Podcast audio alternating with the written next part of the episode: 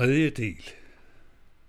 Inden jeg begyndte på radioen, havde jeg som så mange andre unge mennesker flørtet med drømmen om at skrive. Men den slags drømme falmede hurtigt, da jeg blev ramt af det radiofoniske. En af mine første montager var en portrætudsendelse af Axel Sandemose.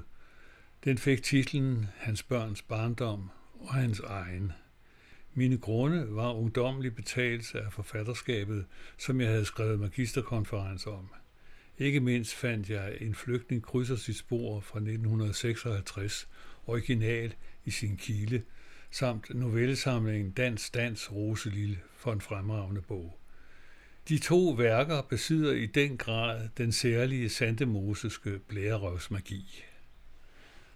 Formålet med hans børns barndom og hans egen var at undersøge, hvordan denne begavede mand, der havde skrevet så klogt om sin egen barndom, havde begået sig i livet mod sine egne børn. Jeg havde en mistanke om, at det ikke stod vel til.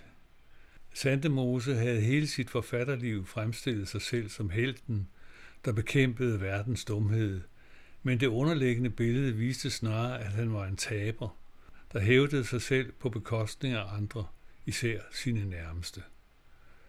Mødet med hans børn, hans første hustru og hans brødre blev der også en eksistentiel rystetur. Bitterhed flød uhæmmet ud fra alle, der havde stået ham nær. Jeg behøvede blot at åbne for båndoptageren. Resultatet blev en montage om en skånselsløs egocentriker, og selv fik jeg sådan en afsmag for skriveriet, at jeg ikke orkede at læse ham de næste 20 år, og alt, der bare ligner følsomme digterjeger, har siden vagt min dybeste mistro. De omkostninger, Sande Moses familie måtte betale, stod ikke i et rimeligt forhold til værdien af hans værker, hvad enten de holder i tusind år eller aldrig mere bliver læst. Montagen af hans børns barndom var ikke noget radiofonisk mesterstykke, men et godt eksempel på smagen af det, der ligger bag facaden. Et sted i en flygtning står der.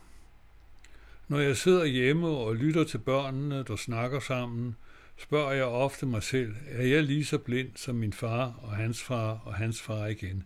Jeg tror det ikke. Med disse ord ramte Sandemose dybt i hjerterne på alle læsende mødre og fædre. Et andet sted skrev han, hvis det går galt for dit barn senere i livet, så er det dine fejlgreb, og hele skylden er din. Den bedste målestok for vores egen værdi har vi i vores børns eller mindre søskendes handlinger. Da jeg i 1969 interviewede hans børn, huskede Hedda, den ene af hans tvillingedøtre fra første ægteskab. Datter af første ægteskab, Hedda Sandemose. Han kunne gå sådan amok, så øh, jeg ved ikke hvor det alltid var ved at sprænges på ham. Han havde jo et grusomt temperament. Men øh, jeg vil jo dertil sige, som regel, når han blev sådan, så havde han vel også drukket. Så kunne han jo være usandsynlig, hvis han kunne altså havde fået det at drikke, som han kunne tåle. Der var han jo så sød og så hyggelig, og så kunne han jo fortælle i timevis om alle disse ting, han kunne huske. Og, og det var jo hele tiden far fortæller, far fortæller, og vi satt jo der som nogen. Vi var jo vældig lydhøre alle sammen. Og der kunne han, hvis han var i det humør, ja, han kunne blive ved helt til den lyse morgen. Men så var det jo andre gange, det ikke passede ham. Der var han jo nærmest sådan lidt umulig og vanskelig. Og hvis man var lidt bange for ham, der skulle vi ikke have spurgt om noget. Fordi altså, når han lige fik sådan over grænsen, og han havde drukket, der var han altså meget umulig. Det var han. Og hissig og, og kunne godt blive lidt brutal og sådan. Men det var jo sådan. Det ved jeg ikke. Det kunne være så mange ting, der spilte ind, hvad han havde gennemgået og sånt noget. Eh, han kunne jo ikke tage ved med et modgang. Nu var der jo i nogle år der, hvor jeg kan huske så nært med den norske forfatterforening og sådan noget. Og det tog han jo vældig hårdt. Og det var jo ligesom os, det gik ud over derhjemme, så han gråt og var ulykkelig. Og, og i det hele taget, vi skulle flytte til Danmark, og, for han kunne ikke være i Norge og alt det. Så man sa til mor pakt med det samme og sådan, men det ville hun jo ikke. Hun vidste jo godt bedre, at det var jo bare sådan en lille raptus, han havde. Søn af første ægteskab, Bjarne Sandemose. helt, hele vårt liv var innrettet efter, efter ham. Helt fullstendig. Vi visste nøyaktig hvordan han ville ha det. Vi visste om morgenen når vi sto opp, så måtte vi være helt stille, for da satt han alene inne i stuen og spiste i spisestuen. Da satt han helt alene der og spiste. Vi fikk ikke lov å komme inn.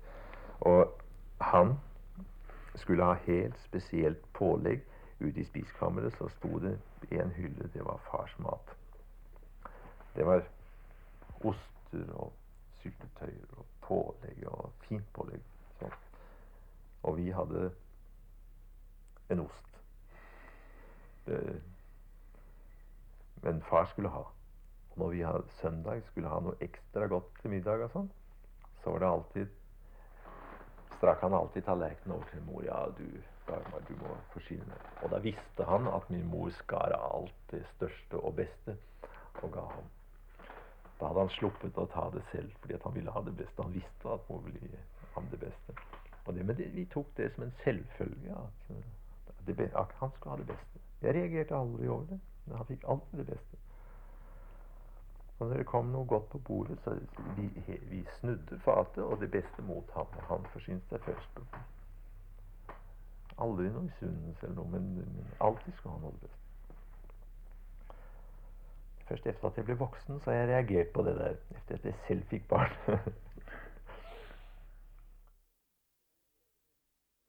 men hvordan går det? Hvordan går det et menneske som lengter mot lys og skjønnhet og sannhet, når det fra tidligste år møter forbud mod at nævne andet end de banaleste og vulgæreste ting. Jo, der går det ham slik at det gode grundlaget blir trampet under fot. Kærlighedsbegrebet blir tilsvint, lykkefølelsen blir sjoflet, og livet blir et mareridt. I de fleste tilfælde faller det skønhedshungrende menneske ned i skitt og i fattigdom. Mig gjorde de til en landseknekt. Et år før Santemoses død spurgte Johannes Væt ham under et besøg på Kjørkelvik, hvordan det gik med romanen Den yderste strand, der var tænkt som det tredje bind i den trilogi, som Vareulven udgjorde første bind af. Santemose skrev noget ned på en lap papir, hvorfor han absolut skulle skrive det ned og ikke blot udtale det, er uklart, men på papirlappen stod. Og med dette slutter taberen Erling Vik sin beretning om det, der hente i Felicias tid. Taberen Erling Vik. Måske var han på dette tidspunkt så langt, at han kunne se den unge og sølle Axel Nielsen i øjnene. Forræderen i sig selv, hvem ved. Han døde, før han fik gjort den yderste strand færdig. Hans liv sluttede muligvis lige der, hvor han skulle til at skrive virkelig stor litteratur. Samtidig bestyrkedes jeg i, at mit valg af den radiofoniske udtryksform var den rette. Selve stoffets art satte en grænse for misbrug af illusion, samtidig med, at det pulserede af liv. Nu har årene som nævnt mildet mig, og jeg har måttet gribe i eget bryst. Og det står mig klart, at Sandemose ikke var et enestående eksempel. De fleste romaner i verdensklasse er autobiografiske – mens den såkaldte underholdningslitteratur sætter dagdrømme i scene. Goethe kaldte sine erindringer Dichtung und Wahrheit.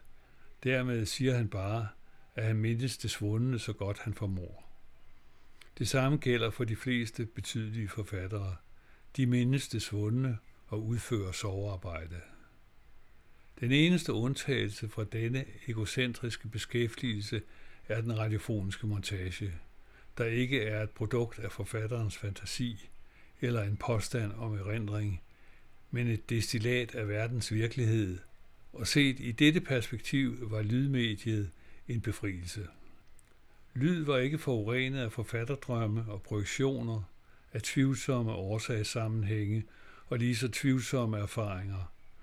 Cervantes roman fra begyndelsen af det 17. århundrede om ridderen af den bedrøvelige skikkelse Don Quixote og hans tro væbner San Pancho handler der også for første gang i litteraturhistorien om alt det ved litteratur, der fører læserne og forfatterne på vildveje.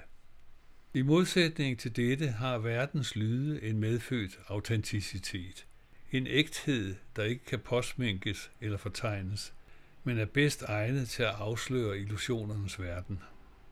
Lyd, som i dokumentariske optagelser, er udtryk for direkte menneskelige erfaringer og er uimodsigelig. Ord skrevet på papir vinder derimod ikke meget ved at blive læst højt. Alt, hvad man ser og oplever i denne verden, er båret af en lydside, der giver den visuelle verden sit afgørende tonefald.